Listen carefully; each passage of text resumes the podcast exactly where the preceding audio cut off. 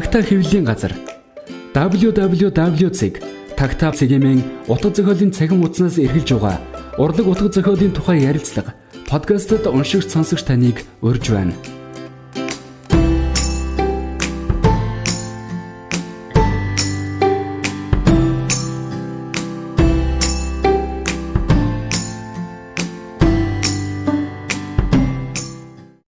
За үлдэх үг подкастын маань шинэ дугаар хурж байна. Өнөөдөр бид нар Creative Radio-гийн студид зохиолч яруу найрагч Бат Зайтай хамт байна.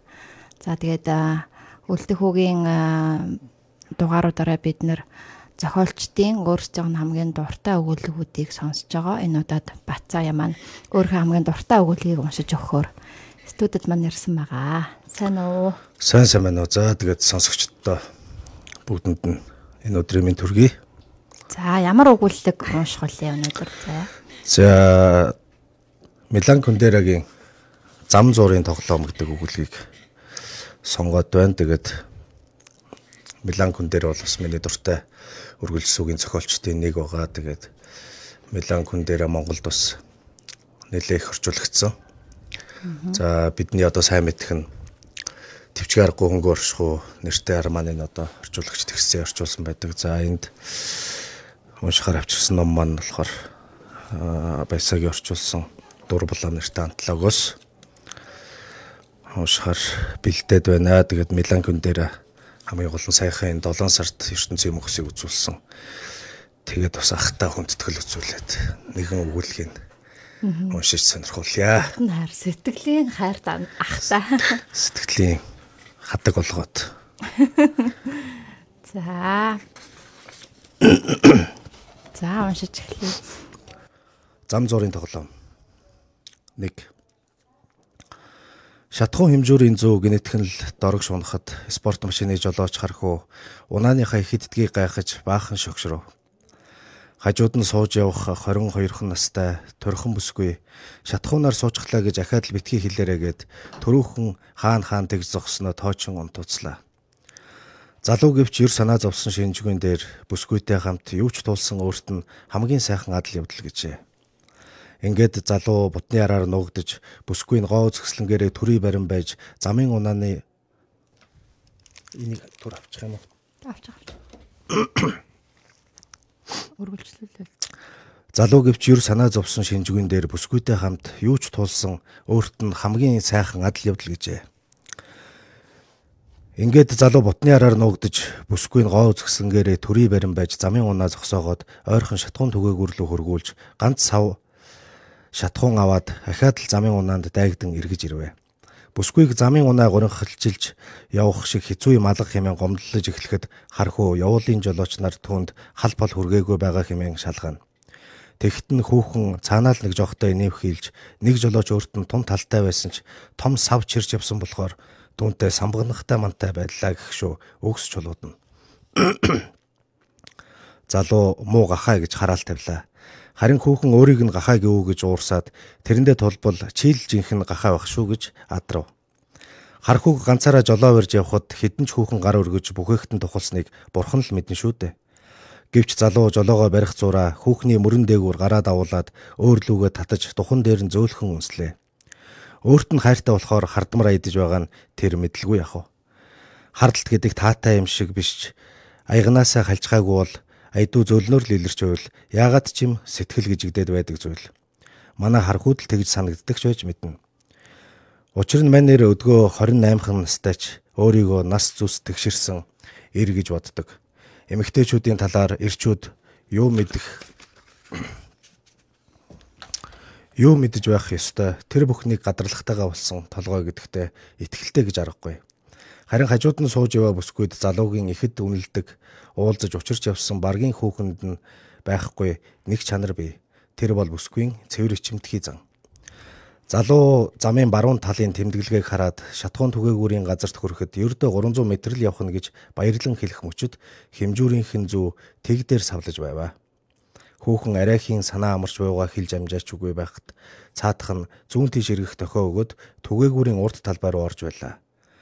Гэвч тэдний урд шатхуун тээврийн аврах том тэрэг ирээд зогсчихсон түгээгүүрийн нөөцлүрт бүдүүн шаланка шургуулчгаад шатхуун цэнэглэж байх тул залуус хүлээхээс өөр аргагүй болов.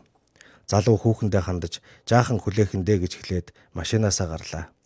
Тэгснээ хэр удах вэ гэж урдтай зогсох харчуулын өдөөс хашгирав. Түгээгч жаал удахгүй одоохон хэмээн хариу хашгирахад тэр ингэж л хилдэг юм гэж өглөөд машиндаа эргэн суух гэсэн ч хүүхэн нь аль хэдийн гараад зогсчихсон байлаа. Энэ зуур жаахан алхаж байгаад ирий гэж бүсгүй хэллээ. Хүүхний чингүрхийг харах гэж залуу хаашаа тэрвэ гэж зориуд асуув. Танилцаад жил болж буй атал хүүхэн харгуугийнхээ өмнө ичиж ирээлдэг хэвээрээ. Өмнө нь учирч байсан хүүхнүүдээс тис уур болохоор зуурдын хорвоод энэ мэд агшин хүртэл үнтэй санагдах усноос ч тэрөө харахгүй хүүхнийхээ тэрл цэвэр ичимтгий занд нь үнэхээр дуртай. 2.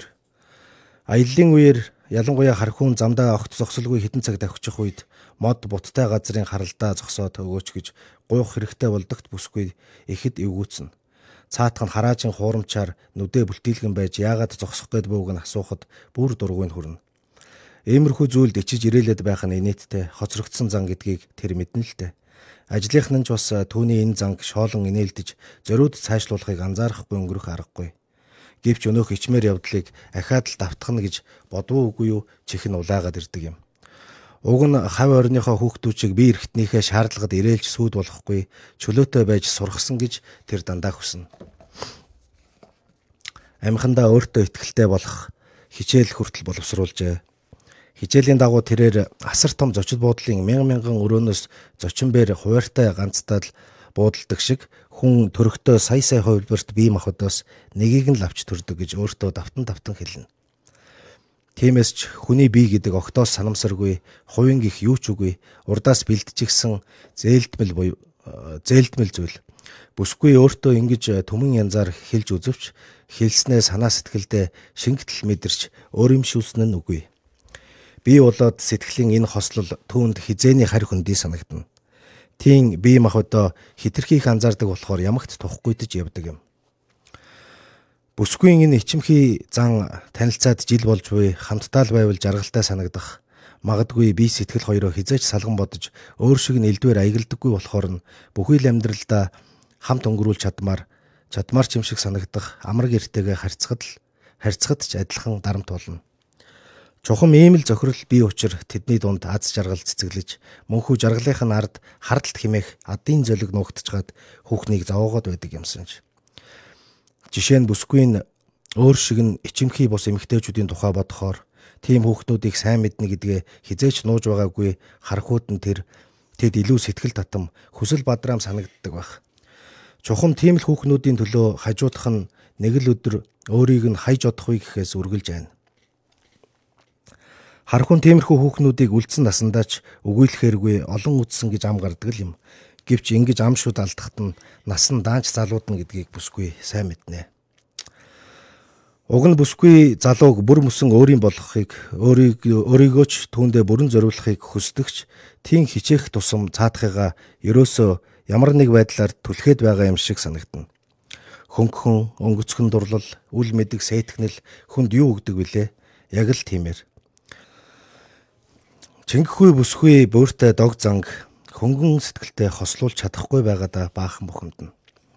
Гэвч өдгөө бол түүнд элдв зүйлд үүмэрх хэрэг алгаа. Муу мухай бодлууд цээжнээс нь хулжсан мэт. Сэтгэл нь ч өөдрөг сайхан байлаа. Хүүхний хархуутайгээ хамт өнгөрүүлгсэн гэж бүтэн жил хүсэн хүлээсэн 14 хоногийн амралтын эхний өдөр. Тэнгэр цэнхэртэйдл амралтынх нь эхний өдөр тэнгэр цэлмэг байх нь тэнгэр цэлмэг байх болов уу гэж бүсгүй бүтэн жил шаналсан юм. Хайртай хүн ч дэрэгдэн байлаа. Залууга хаашаа тэрвэ гэж шалгаахад ичиж улаа бутарсан бүсгүй үг дуугүй холдон алхав. Чингээд хар замын дагуу сунайсан хөндийн дунд ганцаархнаа торох шатхуун түгээх газрын ойр хаваар жаал холхив. Тэндээс өөрсдийнхөө явж буй зүгт хэд алхаад хэсэг бүсгхэн мод руу орчихож болохоор байлаа. Бүсгүйч тийш алхаж нэг жижигхэн сондуулын араар орон хүмүүст үзэгдэхгүй болсондоо сая санаа амрав. Ганцаараа байхдаа л тэрээр хайртай хүнтэйгээ хамт буй баяр хөөрөө бүрэн мэдэрч чаддаг юм. Харин түүнийхээ дэргэд байхад үнэн сэтгэлээ ил гаргаж чадахгүй зовно. Чухам хувьхан чөлөөндөл мэдэрч чадах жаргал гэдэг нь тэр ажгүй. Модон дундаас хар зам руу гарч ирэхэд шатхуун түгээх газар ардх нь тороож байлаа. Шатхуун тээврийн арга аврах тэрэг ачаа шатхуун тээврийн аврах тэрэг ажлаа хэдийн дуусгачихсан өөрсдийнх нь спорт машин дөрвөлжин улаан түгээгүүр рүү урагшилж харагдана. Бүсгүй зам дагуу алхангаа араас нь ирэх машина хүлээх мэт үе үехэн иргэн харах ажээ. Тэгж тэгж машин нь ч гараад ирлээ. Бүсгүйч зогсоод танихгүй унаа дайгдах гэж буй мэт гараа даллан өргөв. Спорт машинч хурдаа саасаар дэрэгдэн ирж зогслоо. Хархуу зорчигчийн цонх руугаа зүтгэж шилийг нь буулгаад инээмсэглэн "Авхай, та хаа хүрэх вэ?" гэж асуув. Хүүхэн өөдөөс нь сэтэлцэн мушийгаад "Бистрица руу явах уу?" гэж асуулаа. Залуу яг тийшээ чинь явж байна. Суул да гэд хаалгаа түлхэн нээв. Бүсгүйч сууж машинч цааш хөдлөв. 3. Найз бүсгүйгээ хөгжилтэй байхыг харах нь залуу эрд даамаа сайхан санагддаг. Гэвч тийм үе тун ховор. Хүүхэн ажлын таатаа бос уур амьсгал дунд сөхөөгүй зүтгэн нэмэгдэл цалингүйгээр байнга илүү цаг ажиллана. Гэртээ ирээд өвчтөе ихээ асрах болно. Тинхүү дандаа л цонхиж ядарсан царайтай явна. Сэтгэл өөдрөг, өөртөө ихтгэлтэй байх тухай ярих хэрэггүй. Савл хийвэл гутарч айдас давтна. Тийм ч учраас залуу хайртынхаа хөөр баяраа илэрхийлэх агшин бүрийг асралт сайт эцэг хүнийх шиг инэрэнгүй сэтгэлээр тосч авна. Тэрээр бүсгүй рүү харж инээмсэглээд би ч өнөөдөр азтай байна шүү. 5 жил жолоо барихад ийм үзэсгэлэнтэй бүсгүй юр дайгдж байсангүй гэлээ. Хархуугийн зувсардалд сэтгэл баяссан бүсгүй үг нэг бүрийнх нь халуун дулаанд ахаад жаахан дүнэрт юу гэсэн шиг таач худал хэлэхтэй гарамгаа юмаа гэлээ. Би тийм худалч хүн шиг харагдаж байна уу? Эмэгтэй хүнийг дөгөөх дуртай юм шиг байна гэж хэлсэн бүсгүйн үгнээс эрен хүүхнүүдэд тал засахдаа нээрэнч сайн байх гэж битүүхэн хардлага хуучин зовнилын сэжүүр санамсаргүй зурс хийгээд өнгөрлөө. Бүсгүйн хардалт түүнийг ямагт бухимдуулдагч энэ удаад залуу нэг их тоосонгүй. Тэгэд ч бүсгүйн үгс өөрт нь бус зам зуур таарсан танихгүй жолоочод хаяглагдж байгаагаас хойш. Залуу танд эвгүй санагдаагүй үсттэй гэж юу ч болоогүй шинжтэй асуулаа. Тантай хамаатай хүн байсан болж эвгүцгэл байлаа гэж хүүхэн залууга залжин үгээр чимхснээ ярианыхаа төгсгөлийг танихгүй жолоочод хандуулж гэвч та бид хоёр танилуд биш болохоор эмзэглэх юу байх вэ гэлээ. Эмгтээчүүд өөрийнхөө эрийн элдв ашиг төвчөхгүй мөртлөө танихгүй эрийн элдвлэхийг юр тоодоггүй. Залуу одоо бүсгүйгээ битүү үгээр чимхэж буйна. Харин та бид хоёр хар илгийн хүмүүс болохоор замж сайхан нийлхэндээ. Бүсгүй залуугийнхаа битүү үгийн утгыг юр ойлгоогүй дүрсгээд мөнхүү танихгүй жолоочод тухайлан хандаж удахгүй зам замаа хөөх улсад юуны хамаа байх вэ гэлээ. Юу гэсэн үг вэ гэж залуу асуув. Яах вэ? Бистрицад очиод би буун шүү дээ. Тэгвэл би тантай хамт буувал ямар вэ? Бүсгүй энэ бүх үгсийг сонсоод залуу өөд харвал цаатах нь хардахдаа байж ядан тарчилдаг хамгийн хүнд үед өөрт нь яаж шуухан төсөөлөгддөг яг тийм төрхөндөө хувирчихсан харагджээ. Бүсгүй түүний өөртөө замд дайгцсан танихгүй юм хтэтэй. Яаж сэтгэнэж гоё үгсээр хэрхэн болж байгааг анхааралтай ажиглангаа урд нь хэд хичнээн хүүхэнд ингэж халираавал гэж төсөөлж ядан явна. Тиймдээч надтай буугаад яах гэж бөөчин сонирн байна шүү гэж нилээн өдөнгүү асуув. Ийм үзэсгэлэнтэй бүсгүйтэй юу хийхээ бодож цөхөх юм алга гэж залуу хоёр тун ирмэн хэлэхдээ зам дайгцсан танихгүй хүүхнээс илүүтэй өөрийнхөө бүсгүйд ханджээ. Гэвч эл зусрууг бүсгүйд тийм ч таатай сонсогдсонгүй. Эгээтэл эрийгэ үйлдэл дээр нь барьчих шиг найланхай үгээр хуурч байгаад хамаг нүглийг нь хилүүлээд авчих шиг санагджээ. Тэгмэгц зэвүүн хурч та өөртөө дэндүү ихтгэлтэй байгаа юм биш үү хэмээн адарлаа. Залуу бүсгүй рүүгээ харав. Өөдөөс нь сөргөж ядахта бүсгүйн нүүр нь татуулзж байлаа. Манер хүүхнээ өрөвдөж сэтгэлд дотно энгийн өөрийнх нь эгэл даруй хүүхдэрхүү гэж өхөөрддөг тэр дүр төрхийг нь харгасан гэж хүсжээ. Чингээд түүн рүү налж мөрөн дээгүүр нь гараа давуулан эхэлсэн тоглоомоо зогсоох гэхдээ дуудаж дадснараа нэрийг нь хэлж намуухан яриад илгэв. Гэтэл бүсгүй гарыг нь мөрнөөс халаад та арай л төрөмгийн ажиллаад байгаа юм биш үү гэвэ. Хүүхнийг ин эсэрхүүцэхэд залуу намайг өршөөгөр авахаа гэснэ урдах зам руугаа ширтэн дуугаа хураачв. 4 Бүсгүй хөөрхилтэй хардалт өөрийг нь агшин зуур бүчин авсан шигэ мөчийн дотор л хулжин одлоо. Тэгээд ч тэр унагсан үг бүхэн тоглоом төдий гэдгийг эрх биш мэдэж мэдэрч байлаа. Хар хорондоо шатахтаа хайртай хүнээ өөрөөсөө төлөхчгүй гэхээс сэтгэлэн төгшнө. Гэвч чухам яагаад тэгж ажилласныг нь цаадах нь мэдчихвэл бүсгүйд бас л таатай санагдахгүй. Аз болоход бүсгүйчүүдэд аливаа явдлын дараа хийсэн үйлдэлийнхээ утгыг октын эсрэгээр эргүүлчих шидийн гимээр авьяас байдаг юм. Бүсгүй энэ авьяасаа ашиглаж уурлаж унтууцсандаа цаадахыгаа түлхсэн болоо зогсохгүй. Аяллах нь эхний өдөрт яг тохирсон өнөөх төсөөллийн жигтэй тоглоомоо үргэлжлүүлэх санаатай буйгаа мэдгдэх гэсэн мэт аяглаж эхлэв. Ингээд тэр сүхэтэй жолоочийн төрөмгийллийг дарж сэтэн хаялцах тоглоомоо илүү өрнүүн болгох гэхдээ ахаад л зам зуурт унаанд дайгдсан танихгүй бүсгүй дүрдээ хувирлаа. Тэр залуу руу эргээд таныг гомдоё гэж бодоогүй шүү ирхмээ гэж тун инхрий дуурав өршөөгөөрөө тань дахиад хөрөхгүй гэж харахгүй хэллээ. Бүсгүй нь үгийг нь сонсохгүй өөрөөрөө байгаасаа гэж хүсэж байхад нь жүжигэ үргэлжлүүлсээр байгаад харахгүй их ууртай байх ажээ. Нэгэнтээ орсон дүрээсээ гарахыг хүсэхгүй улам цааш зүтгэх хүүхэнд ууралсан уура залуу хажуудлынхаа дүрдэн тоглож буй явуулын эмгтээд гаргаж эхлэвэ. Тэгж байгаад өөрийнхөө дүрд яг тохирох аран шингч олчих шиг болов. Залуу өөрийнхөө бүсгүй тойрогоорч болохны гой сайхан үг хэлчих гэхдээ сэхэл зүр хөнгөн ир тоглож явснаа болоод хүсэл шуналтай, өгөөтэй, өөртөө ихтгэлтэй чанараар төрий барин хүүхнүүдэд ихээхэн бүдүүлэх ханддаг зэвийн зэвүүн ирийн дүрд орчхов. Тэр нь залуугийн бүсгүй гэсэн чин сэтгэлийн яг эсрэг дүр байлаа. Хүүхэнтэй танилцахаас өмнө тэр эмэгтэйчүүдэд ээлдэг найлахаа гэхээс илүү бүдүүлэг төрөмгийдүү харцдаг байсан нь үнэн. Гэхдээ хүсэл шуналдаа улайран дайрах, омголон догшондоо дийлдэх мэтийн уваагүй арин шин үзүүлж байсан нь үгүй болохоор дуурайгаад байдаггүйч нэгэн цагт тэдэнтэй адилхан болохсон гэж хүсэж явсан удаатай. Даанч гинэн хүсэл болох нь мэдээж гэлээч үнэн ямиг яалтай.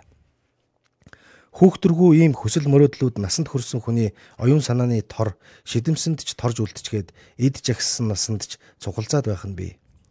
Хүний ийм хүүхдэрхүү хүсэл үүсмэл дүрээрч болох нэ биелийг олох боломжоо ер алгуурладаггүй байж. Залуу эрийн ёжтой байдал бүсгүйд ч их тохирч өөрөөс нь өөрийг нь чөлөөлж байв. Ерөөс тэр өөрөө хар сэргээч юмны амьд биелэл болсон эмэгтэй байлээ. Хажууд нь сууж явах сэхэл зүр найлахай залуу гинэт алга болоод хардаж боломгүй хөшүүн царайтай ирээр солигдчихгүй хүүхний хар сэр аяндаа намжаад иржээ. Эсвэл бүсгүй өөрийгөө нэг мусан умартаад дөрдөө бүрэн орчихсон байж мэднэ. Бүсгүйн дөрөв тэр нь юу байсан гэ?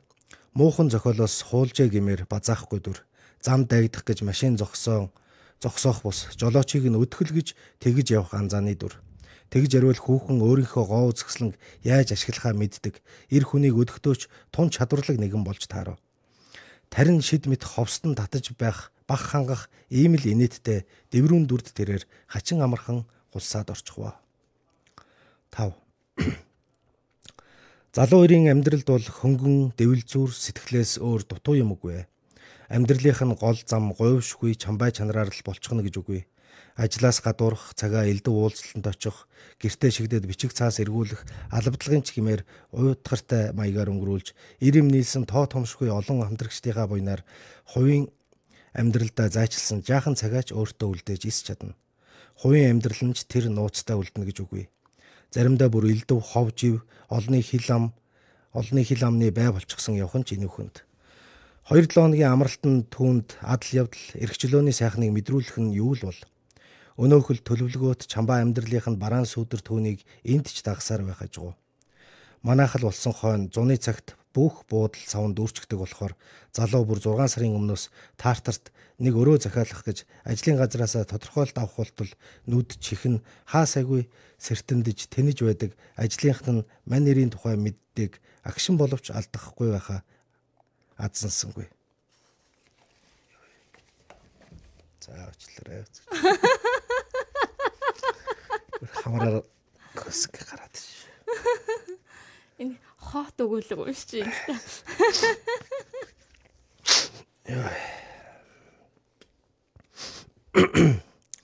Манер иймэрхүү зүйлстэй бүрэн эвлэрсэн ч амьдралаа авч явах ёстой өнөөхөл шулуун зам заавал дагах ёстой. Бүхний нүдэнд ил эргээд алдчихаж болох алхчихаж болохгүй нэвт шув замын тухай аимшиг дуудалд үе үе дарагдах нь хэвээр. Айдас давтуулагч ийм бодол нь эдүгээ түнд эргэн иржээ амьдралын зам, замналын тухай зуруу сатлаа жигтэй бодлуудын хэлхээс урд нь хөврөх цардмал замтай нийлээд түүнийг солиотой гимээр үйл рүү гинт түлхчихв. Та хаашаа явж байгааг гэлээ гэж хархуу асуулаа. Бистрицаа руу гэж хүүхэн хариулв. Тийшээ юун тухай явж буй юм бэ? Болзоонд хинтээ нэг боловсон ирвээ. Машин их замын уулзурт ирлээ. Жолооч хурдаа сааж замын тэмдэглэгээг уншиснаа баруун тийш жолоогоо залуу. Таныг болзоонд очихгүй бол яах вэ? Өөрийн тань буруугаас тийм болвол таал надад санаа тавих болно доо. Намайг Новэ замки руу эргэчихсэнийг та юу анзаараагүй юм а да. Нэрээ юу? Галзуурчхаагүй үз. Бүсгүйгийн дуу алтахад залуу айх хэрэггүй. Би танд санаа тавина гэвэ. Тинхүү цааш давхихта тэд үл таних жолооч зам зурт дайгцсан эмхтэн өмнөөс ярилцсаар айжимда тоглоом шоглоом болох тийшээгээ хандлаа. Спорт машин хүүхний бодож олсон Банска Бистрицаагаас зүг буруулаа зогсохгүй өөрсдийнх нь очих ёстой жинхэнэ газар буудлын тохилог өрөө захиалаад хүлээлгч гисэн татраас тис өмнөө зүг давхиж одов. Зохиосон явдал нь бодит амьдрал руу довтлон орж ирхэн тэр. Залууч тэр өөрөө өөрөөсөө холбоо тасарч өдийг хүртэл гажиж байгаагүй шулуун замаасаач хэдийн гарчгсан давхиж явлаа. Та чин баг театр руу яваа гэвцтэй гэж бүсгүй гайхан асуулаа. Явж байна ахва. Хөссөн зүг рүүгээ л явж байна. Би бол юу дуртайгаа хийдэг, хөссөн бүхнийг үйлчлүүлдэг эрхчлөөт хүн гэж залуу хариулв. 6. Тэднийг Новэ замкид ирэхэд хэдий бүрийн өмөрчээ. Залуу энд өмнө нь нэрж үзээгүй болохоор зүгээ олох гэж нилээд бодлоо хид хідэн удаа зогсож гудамжаар яваа улсаар зочид буудалд хүрэх зам заалгалаа. Олон гудамжинд газар ухаад орхичихсан байх тул хичнээн дүт зам заалгасан ч заавал тойрох болцоход зочид буудалд хүрэх гэж бараг 20 минут гарцдав. Ирсэн буудал нь хараажаар олигтой биш хотод буудлах өөр газар олдохгүй дээр залуу ирж олоо барьсаар ядарсан тул хүүхэндээ хандаж эндээ хүлээж угаараа гिचгээд машинаасаа буув. Мэдээж хэрэг машинаас гармагц тэр хуучин өөрөөрөө зогсож байлаа хар шөнөөр зорьсноосоо тис уур газарт ирчихсэн зогсож байгаадаа гомдмоор хинч өөрийг нь хүчлээгүй үнэндээ өөрөө ч ингийн гэж хүсээгүй байтлаа шүү. Ийм балаа юм болсонд өөрийгөө зөвхөвч эвлэрхээс өөр ялтай. Таатарт захиалсан өрөө нь маргааш өглөө хүртэл хүлээгдэж л байгаа. Тэгээд ч аяллахынхаа эхний өдрийг санаандгүй ийм адал явдал тунд тэмдэглэхэд буруутах юмгүй. Залуу хүн залуу хүн зооны хөлхөөн шууганыг туучин тамхины утаа хөшгөлсөн зоогийн тагмын дундуур алхаж очоод зочин хүлэн авах ширээг асуув. Цаад болон шатны цаадах хонгил руу зүг зааж тэнд очивол шилэн хаалтны цаана өлгөөтэй баахан түлхүүрийн дор шаргал үстэй хөгшин авгаа сууж байлаа. Залуу түүнийг арайхийн аргалж байж сул үлдсэн ганц өрөөнийхэн түлхүүрийг авч чаджээ. Залуу түүнийг арайхийн аргалж байж сул үлдсэн ганц өрөөнийхэн түлхүүрийг авч чаджээ. Бүсгүйч бас ганцаар үлдэхдээ өнөө айхтар дүрээсээ гарчихв. Гэлээч тэр огт танихгүй хотод ирж гисэн сууж байгаадаа тэгтлэх ямарсангүй. Уг нь тэр хархууд чинхүү хайртай. Цаадах нь юу ч хийж байсан итгэж амьдралынхаа агшин хорон бүрийг түндээ эргэл зайгүй даатгадаг юм. Ийм бодлогоширч суухыг томилтоор явахт нь түүнийг ингээд машинд нь хүлээл хүлээж суусан хүүхнүүд олон бий байхтаа гэсэн бодол толгойд нахаад л захиллаа. Хачирхалтай энэ бодол түүнийг тэгтэл хямраасангүй. Ганц өдөрч ганц өнөөдөр ч болох нэ хард хорыг нь дандаа буцалгаж байдаг хөнгөмсөг ёс журмгийн хүүгнүүдийнх нь нэг болж үзсэндээ харин ч баясаж бодхоос инээд нь хурцсуу. Бүсгүйд тэр хүүхнүүдийг бүгдийг нь шахан зайлуулж хаад эдүгээ хүртэл өөрийн зүгээс хайрт ирдэ өгч чадаагүй гэвч цаад хүүхнүүдийнх нь гол зэвсэг болсон хөнгөмсөг ичхүүргүй садар завхай чанаруудыг яаж ашиглахаа харин ч нэг сураад авчих шиг санагдаж авах вэ. Өөртөө одоо л сэтгэлээ ханаж байх шиг Өөртөө одоо л сэтгэл ханаж байх шиг сонь мэдрэмж түүнийг эзэмдэнэ. Эдүүгээр тэр гав ганцаархнаа бүх хүүхнүүдийг орлож чадна. Энэ ч утгаараа тэр л ганцаараа амргаа эрхшээж дур хүслийг нь хинтээч хуваалгүй өөртөө татна. Залуу ир машиныхаа хаалгыг нээж хүүхнийг дагуулад зоогийн газар руу алхав. Зоогийн газар дуушуу утаа унаар дунд тэрээр сул үлдсэн булангийн ширээ ганцыг олж дөнгөжээ. 7 Тэгээд та надад яаж шуу санаа тавих гэж байна да гэж бүсгүй Ана үдсэн янзаар асуулаа. Хоолны өмнө ганц хундаг юм тогтоё. Та юу уух вэ?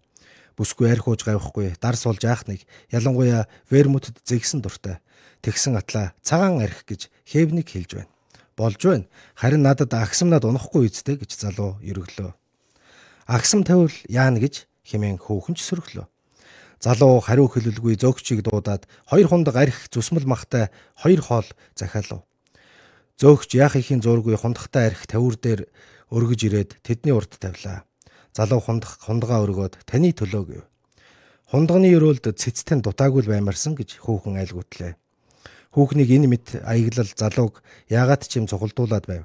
Идэвгүй нүр нүрээ харан суухта залуу үг хэлнэл хайрт үсгүй ногтоос танихгүй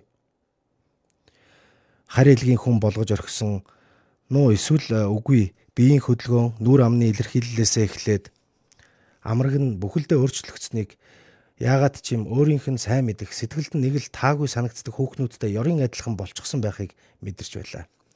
Тиймд залуу урдхаа дээш өргөөд хундганы үгээ өөрчлөв. Ойлголоо. Тэгвэл би таны төлөө уушгүй. Аратны сайныг хүний муутай хослуулан төрлийн хүний муутай хослуулсан төрлийнхний дээр тань төлөө ууя да. Та манай төрөл гэж бүх эмгтээчүүдийг хэлж байна уу гэж хүүхэн асуув. Үгүй дээ. Тантай адилхан хүүхнүүдийг л эмгтээ хүнийг аратантай зүүрлэх нь тийм ч ухаалаг сонсогдохгүй л байна шүү. Залуу хоёр хундгаа дээш өргсөн хэвээр за яах вэ гэж найр тавиад төрөл зүйлийн тань төлөө бус сэтгэл зүрхнийтэн төлөө ууя. Зөвшөөрч байна уу? цээжнээсээ доошилж хэвэл рүүгээ очих тусмаа улам гэрэлтэж тэндээсээ буцаад дээшлэмэгцээ унтарчдаг сэтгэл зүрхнийтэн төлөө гэв хүүхэн хундаг өргөд болж байна. Хевлээ рүүгөө буучсан миний сэтгэл зүрхний төлөө хэмээлээ. Тэгэхтэн залуу би буруу хэлжээ. Зүрх сэтгэлийг танд буулган авсан хэвэл бэлхүүснэтэн төлөө ууй гэж байна. Тгий төлөө гэж хүүхнийг хэлэхэд тэдэнд тэгж онцгойлон дурдгцснаа хариу болгож өгөх мэт хевлий гэдэс хевлийн эдис бүрээрээ эрвгэнэх шиг болжээ. Тэгж байтал зөөгч ирж тэдний хоолыг өгөв. Залуу арх цэвэр ус захиаллаа. Энэ удаад тэд хүүхний хөхний төлөө уужээ. Яриаг нь нэгэлж ихтэй хөнгөмсөг аястай хөвөрсөөр найз бүсгүй тачаангуй эмийн дүрд хичнээн чадварлаг тоглохыг хараад залуу улам бачимдсаар байлаа. Өөрөө чухам ийм болоод л ингэж чадамгай сэтгнэж байгаа хэрэг гэж тэр бодно. Хаа нэгтээс огт танихгүй хүний сүнс нисэж ирээд биед нь орчхоогүй нь л үннээс хош хүүхэн өөрийнхөө үнэн мөнийг жүжиж буйна сэтгэлийнхээ аль нэг мухарт хав дарчгаад гарахгүй байсан үнэн мөн саяын тоглоомонд сэдрээд ил гарч гэж л дээ. Яах вэ? Бүсгүй тоглож байгаа гэдэг утгаараа өөрөөсөө тис өөр хүний дүрийг бүтээж байж мэдэх юм. Гэвч үгүй байвал яах вэ? Зөвхөн тоглоом наргааны дундуур л өөрийнхөө жинхэнэ чанарыг гаргадаг хүн байвал яана. Иймэрхүү тоглоомор л өөрийгөө суллаж чаддаг хөөхөн юм биш үз? Яалаа гэжтэй. Найз бүсгүйх нь бид орчихсон огтоос танихгүй эмэгтэй өөдөөс нь хараад сууж буй биш те. Тэр бол өөр хинч биш. Хайрт бүсгүй нь яа харахгүй мөн байлаа. Залуу түн рүү ихцэл ширтээд бүрч их зэвүүн хөрнө. Гэхдээ тэр нь дан ганц зэвэрхэл бишээ. Хүүхэн сэтгэл зүйн хувьд өөрөөс нь холдох тусам бие махбодын хувьд залуу түнд улам шунаж байлаа. Хүүхнийхэн сэтгэл санааны харь хөндөй чанар залуугийн анхаарлыг бие махбод руу улам хүчтэй татах шиг. Яг тийм ээ. Хүүхнийх нь бие нэгүсэл, хүндлэл, түгшил, хайр догдлоор хөврөх зузаан үйлсийн цаана угтчихад өдий хүртэл өөрт нь танигдахгүй байсан эд шиг бүдгхэн саарл үйлсийн дунд булхаад өөрийгөө юр илчлээгүй танил бус гоо цогц байсан шиг санагдчих вэ. Залуу эрд найз бүсгүйнхээ бие зөгцийг өнөөдөр л анх харж буй юм шиг санагдана. Бүсгүй 3 хундаг арх татаж 3 лаз хийжүүлсэн ус уусныхаа дараа ширээний араас өндийн намайг өршөөгөрөө гэж тун айлгүй хэлв. Хайчхан вэ авах вэ гэж залуу асуулаа. Тэгэхт нь хүүхэн "Шэй, мэдээж таныг зөвшөөрвөл шүү дээ" гэж хэлчихэд ширээнүүдийн дундуур алхасаар танхимын ар хэсэгт байх гоёмсог хаалтын цаагуур явж орчихов. 8. Уг нь ямар ч хал балгүй палгүй үнэн ч амнаасаа унгаж юр үзээгүй өнөх ганц үгээ хилээд л эрийгэ мэл гайхуулж цэл хөхрүүлж орхисондоо хүүхний бах ёстойны ханжээ. Өөрийнх нь дүрдэн орон жүжиглэж буй шиг эмэгтэй тийм асуултад түүнээс өөр хариу өгөхгүй байсан мэт бодогдно. Тийм ээ. Бүсгүй өөрийн энэ байдлаа тун сэтгэл өндөр багтай байхаж тоглоом сонирхлыг нь тун их татжээ. Идэвгээ хүртэл өөрийнх нь огт мэдрэхгүй явсан элдв юмд зовхгүй санаа амар амьдрахын сайхныг мэдрүүлж байсан болоод ч тэр үз.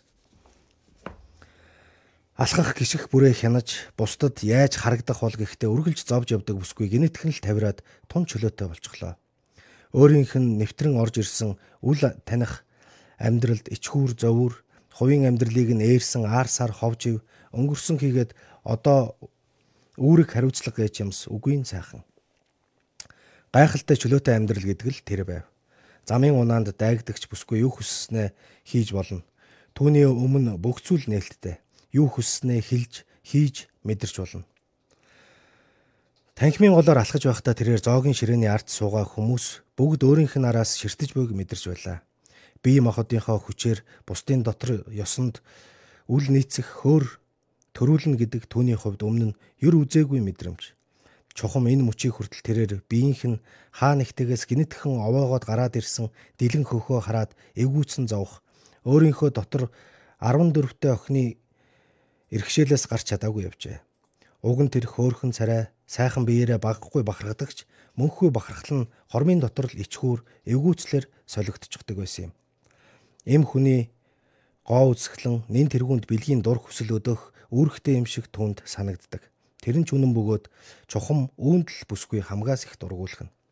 Тиймдээ ч өөрийнхөө биеийг зөвхөн хайртай хүндээ хариалуулахыг хүсэх билээ. Гудамжинд ирчүүл хөхрүүн ширтээд байвал тэр балмагдан эвгүүцэж зөвхөн хайрт хүнтэйгээ хуваалцах хамгийн нандин хувьхан эзэмшлэлээ халдуулсан мэт тав өрхөн. Гэвч одоо бол тэр тухайлсан хувь тавилангүй зам зуурын хөөхөн. Чухам энэ л дүрд орсноороо тэр хайр сэтгэлийнхээ эмзэгхэн хүрээ хязгаараас халж өөрийнхөө бие махбодыг илүү хүчтэй анзаарчээ. Бас хөө танихгүй хүмүүсийн нүд өөрийг нь ширтэх тусам бие нь улам сэрхэн жахуулцах шиг.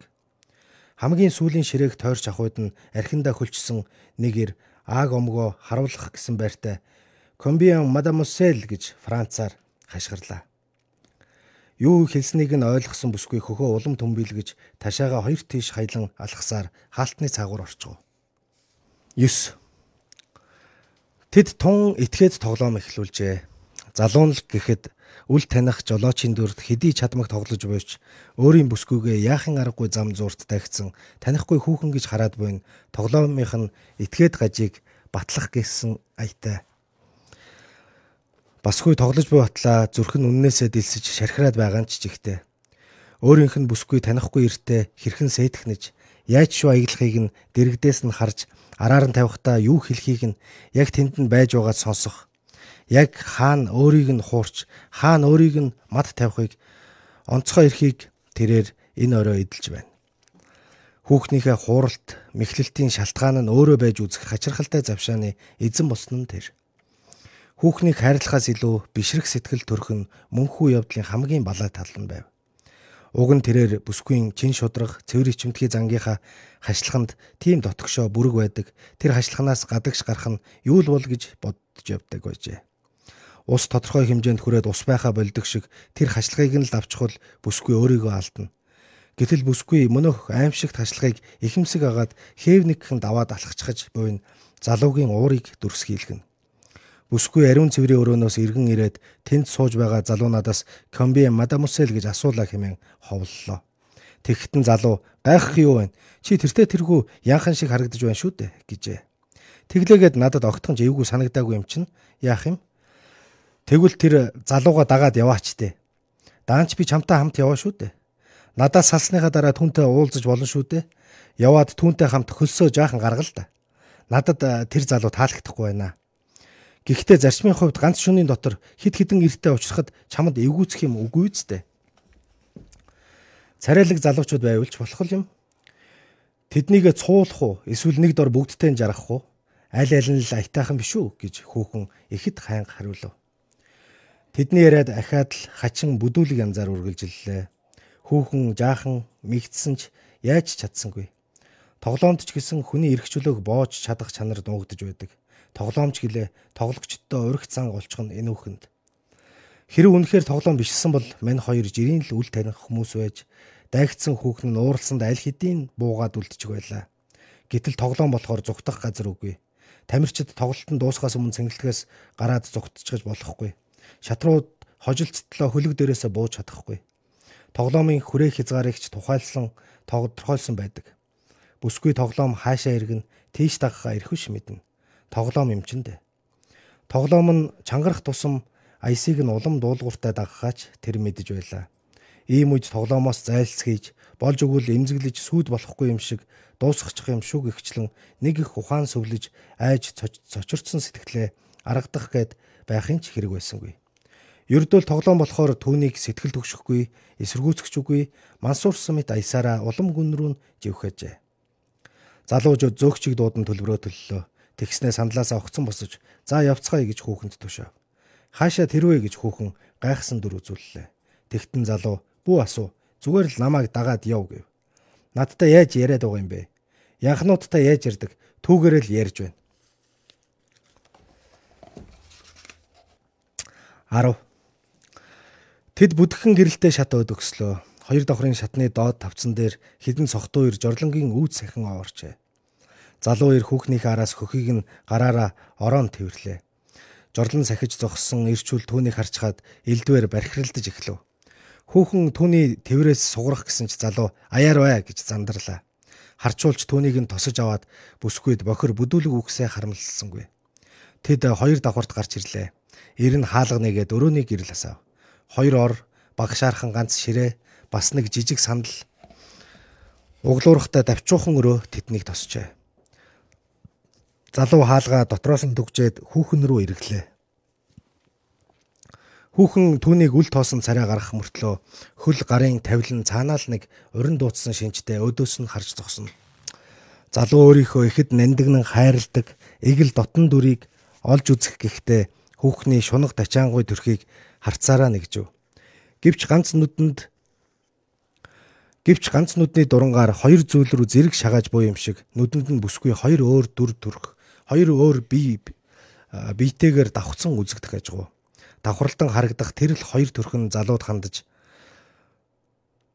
хүүхэнд чиний харж буй бүх чанар угаас би сэтгэл зүрхэнч тэр хэрээр аимшигтай эвэх замраагүй дотор нь үн шудраг байдал худал хуумгаатай зэрэгцэн оршиж буй уран тэрслэгч чанар гин цайлхантай шалиг завхаарл цэвэр ариунтай холилд нь нуугдж буй юм хэмээн ятхан өглөхөж энэ замбраагүй холион бантан залууд дотроос нь юу л бол юу гарч ирж мэдэх хогийн тантан шиг муухай санагджээ нүднийх нь өмнө хоёр өөр төрхөөр солигдон харагдах бүсгүй одоо түнд гаднах төрхөн л ялгаатайгаас биш дотроо бол бусдынхаа адил шалахгүй нэгэн болох нь мэдрэгдэв Хүүхний тархитлагод үүрлэж болох бүхий л бодол, мэдрэмж, алдаа дутагдлууд мань нэрийн нууцхан болгоомжлол хардлагыг батлаад өгчих шиг санагдана. Бүсгүйг давтагдчихгүй хувь хүн мэтэр дүрслэн харуулж асан зураглал харж зогсоо нөгөө хүндээ өөрөөр хэлбэл мань залууд ердөөл хоосон хий үзэгдэл байсан нь илчлэгдэнэ. Хөл алдан дурлаж хайрлаж явсан хүүхэн нь ердөөл түүний өөрийнх нь шунал хүсэл, төсөөлөл, үнэмшил байсан юм шиг санагдах вэ? Өмнө нь зогсоо бүсгүй жинхэнэ дүр төрхөн нэг л хайр хөндий, учир битүүлэг санагдаж ах вэ? Залуу эрд бүсгүйг харахаас дургүй нь хурж байлаа. Юугаа хүлээгээвэ хувцаа тайлаач гэж залуу зандарлаа. Бүсгүй ичингүүрэн доош хараад тэгх хэрэг байна уу да гэж байна. Энэ үед бүсгүй дуу хоолой залууд хуучин танил санагджээ. Нэр нь л санаанд орж ирэхгүй байгаагаас биш олон жилийн өмнө хин чим нэг бүсгүй яг ингэж түнд хэлж байсан юм шиг. Залуу хүүхний гутаан доромжилж тартагт нь тулгаж авахыг хүсв. Замдан дайгцсан үл таних хүүхнийг бус өөрийнхөө амраг бүсгүйг. Тоглоом нь бодит амьдралтай нийлж буйн тэр юм. Зам зуурын хүүхнийг доромжлох хүсэл нь өөрийнхөө хүүхний шалдаа буусныг харах хүслийнх нь шалтак төдий болов. Тэр тоглож буйгаач мартжээ.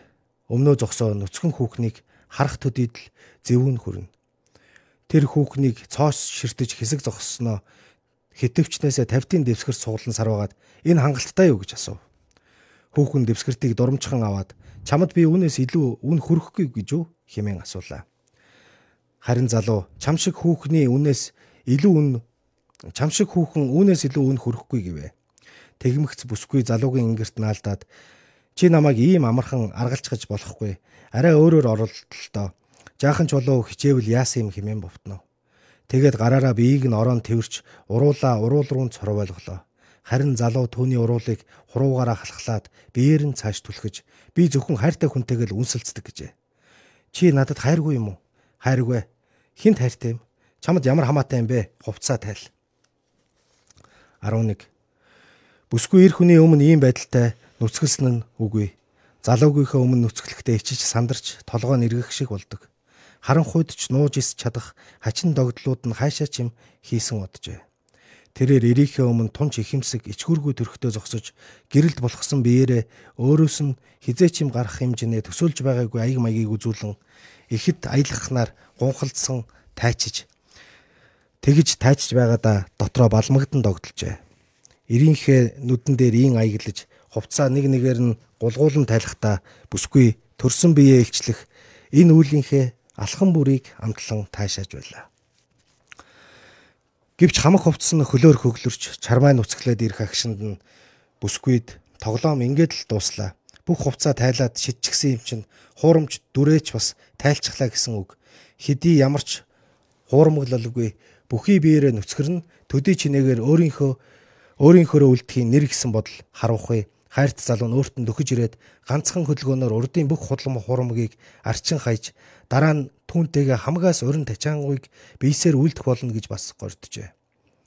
Чингээд тэр залуугийн өмнө бүрнээ нүцгэрч яг тэр агшнаас хойш төрүүчийн тоглоомоо зогсов. Дасал болсон ичингүүрэл сулхан инээмсэгэлтэй цуг царай төрхөнд нь эргэн ирлээ. Яг л түүнийх гимээр ичин ичингүй бүрэг инээмсэглэл Гэвч хархуу бүсгүүдээ иргэн ирсэнгүй. Тоглоомооч дуусгасангүй. Амрагийн хаа дотн инэм хиллэгч тэр анзаарч юр таньсангүй. Өмнө нь юр бусын үзэсгэлэнтэй тэр хэрээрээ харь хөндөй тиймдээч үзэн ядмаар санагдах бие цогцтой хүүхэн зогсно.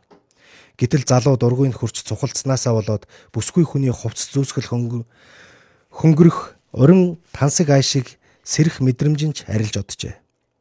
Бүсгүй түнд дөхөж ирэх гэтэл тэр Наана зогсож бай. Би чамайг сайн хармаар байна гэж тосгуулан захирлаа. Тэрээр хүүхэнтэй яг л янхантай харьцаж буй адил байхыг хүснэ. Гэвч тэр амьдралдаа янхан авч үзээгүй тул уран зохиолын номоос уншсан, дам ярианаас сонссон төдийгөөрөө л баримжаалах аж. Хамгаас түрүүнд толгойд норж ирсэн зүйл бол гялалцсан том төгөлдөр хууран дээр сандaalж суусан хар дотоож, хар шилэн оймстой хүүхний дүр. Гэвч тэдний байгаа зочид буудлын давчуухан өрөөнд ямар юмныхан төгөлдөр хуур байх вүлээ. Хан налуулж тавьсан дааван бүтээлэгтэй жижигхэн ширээл байлаа. Залуу хүүхнээ ширээн дээр гарахыг тушаалаа. Бүсгүй өөдөөс нь царайчлангуй харахад чамд мөнгөийг чинь төлсөн биз дээ гэж шалав. Залуу ирийн харцан дах үл ухрах шаардангуй байдлыг хараад бүсгүй тоглоомоо өргөжлүүлэх гэж оролцсон боловч төрүүчийн төрхөндөө эргэн орж юрч чадсангүй.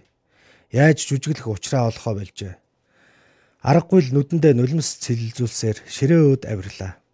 Хааш хаашаага дилэм хэрийн урт тавцсантай ширээний нэг хөл доглон тул дээр нь гарахад жайжгнан хөдлөх ажээ.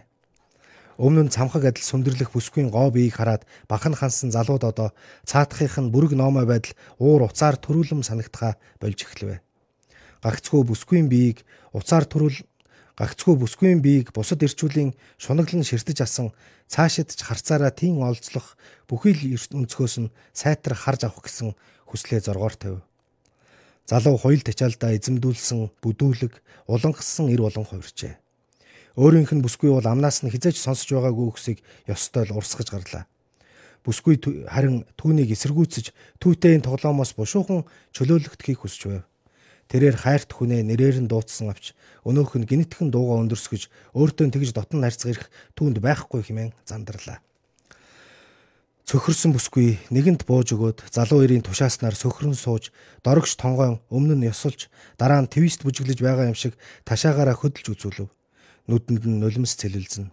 Ахаад жаахан ширүүлтэл ширээний бүтээлэг шалаар шалан дээр унаж тавцангаас игээд унчгаагүй бүсгүйг залуу шууд л орлууч ирлээ хурцл эхлэхэд бүсгүй болчомгүй тоглоом ашгүй дуусах нь бие биенээ хайрладаг урдын хоёр хүн эргэж ирэх нь хэмээн баярлав. Баярлсандаа залуугийнхаа өдөөс хушуугаад цорволгов. Гэтэл залуу ир түүнийг толгой түүний толгойг гэдрэгэн дараад зөвхөн хайртай хүнэл үнсдэг гэж ууглах нь тэрэ. Бүсгүй хингэнт л уйлж эхэллээ. Гэвч тэрээр одоо уйлахч ирэхгүй болжээ. Залуу уур хилэнгээрээ түүний гомдол нулимстай цурхрааныг тэр дорн дарж өрхлөө. Удалгүй буудлын орон дээр бие биедээ их л харь хөндөй санагдах хоёр залуугийн сайхан бие цогц, эв зөхрөнгуй уйрам сайхнаар чилэм байна. Бүсгүй ямар ч хайр инхрийлэл сэтгэл хөдлөлгүй ийм зэрлэг хурцлаас хамгийн их айдаг бөгөөд өдийг хүртэл цагаахнаар дүлж имээсээр явжээ. Тэрээр хоройтой хөлийг зурчсноо мэдэж байлаа. Гэвч тэр гэдрэг эргэх гэж яарсангүй. Хидий хүлэн зөвшөөрөхөд бэрхчгэлээ ухамсарынхан чандын чанад бухарт урд ийм таашаалыг мэдэрсэн билүү? Үн шиг багтай байж үдсэн билүү гэх адын нэгэн бодол аимшигтай мухагаар хөвлөсөн байв. 12 Нэг мэтгэд бүх зүйл болоод өнгөрчээ. Залуу хүүхний дээрээс босоод орны чанх дээрээс унжих урт утаснаас татаж гэрэл унтрав. Хүүхнийхээ царайг харахыг хүсээгүй тэр. Тоглоом дууссан гэдгийг тэрээр сайн мэдэж байв. Энгийн байдалдаа яавч эргэж орж чадахгүй л байлаа. Хуучны сайхан харилцаа нахаад сэргэхгүй хэмээг гэхээс эмээгч шиг залуу бүсгүйнхээ биед хөрөхгүйгээр хажууд нь зайдуухан хэвтэв. Тэгж байтал хүүхэд нь аяархан мэгшиж эхэллээ. Тэгээд өөртөө нэг л итгэлгүй хүүхдэрхүй байдлаар гараа сунгаж залуудаа хөрөв. Хөрснээ болж тэгснээ биеийг нь гараараа ахин тэмтрээд царайчлангуй дугаар ихэр татан өрөөний аниргүй гівдэж амрагаар нэрээр нь дуудан би л байна шүү дээ. Би л байна шүү дээ хэмээн мэгшив. Залуу хар цагаан дуурсангүй хөдөлсөн ч үгүй. Гэхдээ өөрт нь үл танигдах нэгэн зүйл мөн адил үл танигдах нэгэн чанарт нуугдчихад бүсгүй өөртөө итгэх итгэлийн хоосон хоосрон шилжижсэн төрөхөд нуугдчихад байгааг тэр бас мэдэрч ихгүй. Бүсгүй чимээгүй хүн мэгшиж байснаа ихэр татан уйлж би л байна шүү дээ би л байна. Би би хэмээн үгээ хөөрхилтэйгээр ахин дахин давтан гингэнсээр байлаа. Арга ядсан залуу бүсгүйг тайвшруулахад тус болох өрөвч сэтгэлээ эргэн дуудах хэрэгтэй болов өрөвч сэтгэл нь гартан тэмтгэхүйц ойр зурхан үгүй тул хулжин утсан алсын хязгаараас нь хашгиран дуудах хэрэгтэй болжээ. Тэдний өмнө амралтынх нь чилийсэн урт 13 хоног бий. За яагаад энэ өгүүлгийг сонгосон юун таалагддаг юм? За надад болохоор юу таалагдсан бэ гэхээр одоо хоёр хүний хоорондын харилцаа шүү дээ. За тэгээд хүн хоорондын харилцаанаас одоо үүсдэг янз бүрийн сэтгэл хөдлөлүүд байна те. Гомдол, баяр хөөр, хардалт, аа тэгэхэд ичхүү ичхүүр, за хүндлэл, хайр, хүсэл, тачаал гэл хоёр хүний харилцаанаас үүсдэг зүйлийн одоо хамгийн тэр бүх мэдрэмж, тэр бүх сэтгэл хөдлөлийг гаргаж болох нэг харилцаа бол хайр дурлал хайр дурлалаас одоо энэ гомдол цөхрөл үзэн ядалт те хайр одоо бүх юм төрж болно. Тэгээ тэрийг одоо хамгийн зөвүүнээр гаргасан юм өгүүлэх шиг надад санагддаг. Тэгээ гаргах гарахтаа болохоор бүр тултал те одоо бүр эцэст нь тултал гаргасан. Тийм. Хайр сэтгэл хоёр хүний харилцааг яахтаа ингээд яг тэр наан илэрж байгаа өнгөөр ингээд бичээд байдаг. Тэгтэл тэрний цаана байгаа тийм яг нэг гой сайхан гаргаж гаргадаг энэ цаатал дахиад нэг аратанд л ч юм уу янхлаг ч юм уу таалаад тэнд нь хүртэл толж очоод. Тийм одоо айгу төгөөмөл анзаарэгддэг өгүүлбэрүүд болохоор тэгж хэлтэл хүүхэн залуудаа их гомджээ тий айгүй их гомджээ. Бүр маш их гомджээ л гэдэг болохоос биш.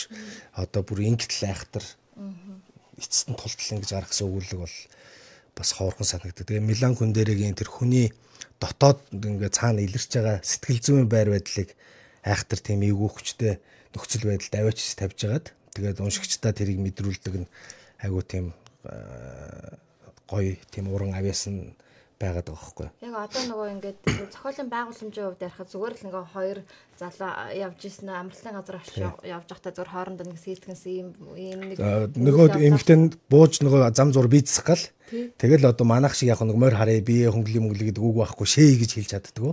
Тийм болохоор нөгөө залуу нөгөөх нь ичмээр ичгэвтер болохоор хилүүлэх гээл улам ингээл тэгэл тэр ичж байгаа юмнаас нь кайф аваал те. Тэр ичгүүрээс нь кайф авдаг бол нөгөөх нь бийцчихэд яг эрэхтэй гар өргөөл Яг тэндээс эхлээл ийм зам зургийн тоглоом эхлээд огт танихгүй ир юм хоёр тоглож байгаа юм шиг явсаар байгаад тэгээ өвүүлгийн төгсгөлд одоо 14 хоногийн аяллаар явж байгаа хгүй нэрч. Тэгээ хамгийн ихний өдрөө ийм танихгүй нэг ийм дэм буудлын хямдхан харанхуу буудлын өрөөнд амар эвгүй төгсгөл дээр ингээд төгсөөд тэгээд одоо энэ хоёрт 13 өдөр байна. Тэгээд нөгөө одоо ингэж штэ тий залуугийн одоо залуугийн хувьд эмэгтэйгийнхэн сэтгэл татдаг чанар бол тэр бусад хүүхнүүд шиг тийм янханлаг одоо ирээ цэргүү завхаа биш цэвэр ариун таалагдаад байдаг. Тэгтэл нөгөөх нь болохоор миний энэ чанар надад тэр залууд маань таалагдахгүй байх байгаа байх гэж бодоод байдаг тийм. Энэ бол яг одоо нөгөө нэг маш их харилж дурлсан эр хүн болгонд байдаг юм сэтгэл зүйн хөхгүй. Энийг күн дээр болохоор айхтар олж харуулж байгаа. Ер нь л бараг л ганц гол харуулах гэсэн одоо бараг 60 70% та харуулах гэсэн юм эр хүнд байдаг тэр муухай занг харуулж. Байгаа. А үлдсэн нь тэр эмгтэй хүнд байдаг тэр чанарыг харуулах ч юм уу те. А эр хүн яадаг вэ гэхээр дурлж хайрлаж байгаа эмгтэйгээ даруухан байгаасай. Өөрөөс нь өөр хүн лүү харахгүй өөрөөс нь өөр хүнийг хайрлахгүй өөрөөс нь өөр хүний хувьд одоо баг байхгүй юм шиг тийм байр байдалтай байгаасай гэж боддог хэрнээ дотроо тийм боддгоо. Өөрт нь бол арай тийм янханлаг те. Ичхүр сонжуургүй ийм харьцсан үл өөрт нь их кайфтай Тэгээ тэрийгэ гарах гэсэн биш. Маань хүн бүр хэтрүүлээд тэгээ одоо бүр яг одоо тэр өөрийнхөө дотор нуугдж байгаа тэр нэг одоо амтныг мухан юм их сэрэж байгаа байхгүй. Тэгээд тэр нь хүний харилцааг ямар төвшөнд авчиж чинь гэхээр эрэгтэй хүн болгонд тийм хэрвээ зан чанар тийм төгсөл шунал тийм ад тачаал байдаг бол тэрийгэ дандаа дарж явахгүй бол те ямар ч хүнтэй ингээ харилцаа өсгсөн ийм эвгүй байдал очих нэ. Өөрт нь нээлттэй бусдад таалттай байхыг хүсдэг юм уу тийм. Тийм, ерөн тийм шүү дээ. Тэгээ сая өөрт нь лаг нээлттэй байж шүү. Өөрт нь нээлттэй байгаад бусдад ч гэсэн тийм юм шиг байчингууд одоо хардах сэтгэл гэж тийм муухай гэж төрж байгаа. биш нөгөө нэг зам зуур таарсан жолоочд хамгийн гол тэр сэтэлцээд байгаа болохоор тий. Тий. Тэгээд яг энэ хоёрын хувьд бол амралтын 13 хоног үлдлээ гэдэг нь зарим хүний хувьд те амьдралын 10 хэдэн жил үлдэнэ гэдэг чинь та нар ингээ хэрвээ тоглоом яахчвал харилцаа гэдэг чинь эрэгтэй эмэгтэй үнэ тийм тоглоом шоглоом болдго юм айхтар бас хэцүү зүйл шүү. Тэр одоо нэг юм хярзан шиг тэр нэмхэн арсыг л давж болохгүй. Тэрийг л давах юм бол энэ сайхан гэж бодож байгаа тэр э, сэтгэл хөдлөл өгж исэн энэ зүйл чинь муухай дорд муухай болж ирсэн. Илэглэл доромжлол хоёрын дунд эротик порно хоёрын дунд нэг л нэгэн нэмгээ хэлсэн байгаа тий. Тэгэж хэлж ирсэн. Яг тэрэн шиг тэгэхээр бүх юм нэг тийм өөрийн гэсэн зааг хязгаар давж болохгүй тэр одоо э, цэг байх шиг гоо. Тэрийг давчих юм бол ямар ч хүн нэс тийм гарч болно шүү дээ муухай зангаар шин тий. Тэгээд одоо жишээлбэл ингээд цаанаасаа л ингээд цэвэр ариун эмхтэй байдаг а гэж жишээ төсөөлөгч юм. Ямар эсвэл нэг нөхцөл боломжтой бүрдээд ирэнгүүт тэр нь ингээд алга болох боломжтой ч жишээ нь. Тий, одоо жишээ нь маш цэвэр ичимтгий ийм ийм хүнийг ч гэсэн өрдөж шорцсоор угаад тэр харилцаа ямар ч болгож болох байхгүй. Цул дорой хүнийг одоо жишээ нь өөдөөс нь харгас бүдүүлгээр хандаад байвал тэр хүн өөдөөс нь яг тэг тэгэхээр нөө харилцаа харилцаагаа дагуулна гэдэг шиг. Би чамтай ингээд муухай завхаа зайтай харьцуул чи өөдөөс янхлаг харьцна гэдэг шиг. Би чамтай соёлтой хүмүүжлэлтэй харьцуул чи өөдөөс тэгж харьцна гэдэг шиг л. Тэгээд одоо уран зохиол үргэлжсүүгээр хүний дотор нуугдж байгаа тэр зан чанарыг л сэтрэж гаргаж ирдэг дээр кондерегийн бас нэг авиас байгаа. За энэс гадна одоо нөгөө хөгшин зогц залуудаа зай тавьж өгдөг өгүүлэг гэдэг. Тэр бол бас яг тэр өгүүлэмж дээр нь бол аюу хүчтэй бас яг юм ир имийн хооронд болж байгаа асуудал урд нь нөгөө сэтгэлтэй байсан хүнтэйгээ эргээд уулзж байгаа тэр те. Ер нь тийм одоо энэ төвчгийн арга хөнгөөр шууч гэсэн яг тэр хүний дотор байгаа юмныг тийм хэлэхгүйгээр хилүүлдэг гэх юм уу тий. Эсвэл уншиж байгаа үнэгээ цаана мэдрүүлдэг гэх юм уу. Тий. Тэр тэр тэгж амар эвгүй байдалд орлоо гэж бичгүүгээр зүгээр амар эвгүй байдалд орсныг уншигчд өөрт нь мэдрүүлж байгаа хөөх. Тэгэхээр бид нар ч гэсэн ингээд одоо бас хүнд дууралж хайрлж үтсэн хүмүүс хардаж сэрдэж янз бүрийн юмыг туулсан л хүмүүс. Тэгэхээр яг нэр юм амар хэцүү юм хүний толгой дотор явагддаг хөөх. Ил гардггүй. Толгой дотор явагддаг. Яг тэр бүх уур уцаар бүх юм хүний толгойд бие дотор явагддаг боловч тэрийг нөгөө хязгаар хүний гомдоочгүй гэдэг үднэс хилдэггүй л боловч яг бүх тэр юмыг юм харин тийм сэтгэл хөдлөл яг ингэдэг шүү гэдэг юм байна. Харилцаа маш нарийн бас эмзэг юм гэдэг. Тэгээд нөгөө нэг хүн дээргээ бас нэг нэг аавштай чанар нөгөө юм аа яг сэтгэл зүйн ийм нөхцөл бүрдээд ийм юм болоод тэгээд инглээ гэд тэр сэтгэл зүйн нөгөө хувирлуудыг маш нэг логиктой философитой тайлбарлаж яг ингэж бичиж өгч чаддаг тийм Тэр нь бас их аавштай. Яг нөгөө нэг одоо нэг үгүй шүү дээ гэдэг нөгөө сөрөх аргагүйгээр баталж ийн тий. Батлаад за ийм байна. Та нар логикоор айгүй мундаг баталж байгаа байхгүй тий. За тэгээ бит хоёр одоо цаг давч байгаа болохоор энэ төрөд өндөрлчихэд өнөөдөр Кундера манаас үүд болоод сарч болоогүй байна. Тэгээд ийм одоо мундаг үгийн суутан одоо манай ертөнцөөс энэ амьдралаа жаргаагаад явжээ. Тэгээд Тийм тэгээ яг хуу 94 наслуу тий 90-д наслаа тэгээд жам иш сурал сайхан наслал сайхан зүйл хийж бүтээгэл ингээл өнгөртлөө тэгээд хүн дээрийнхээ бас өгүүлэг зүйлийг бас залуучууд сөхөж харж байгаа бах та яг энэ цаг үед. Тийм. За баярлалаа заяа да. За баярлалаа.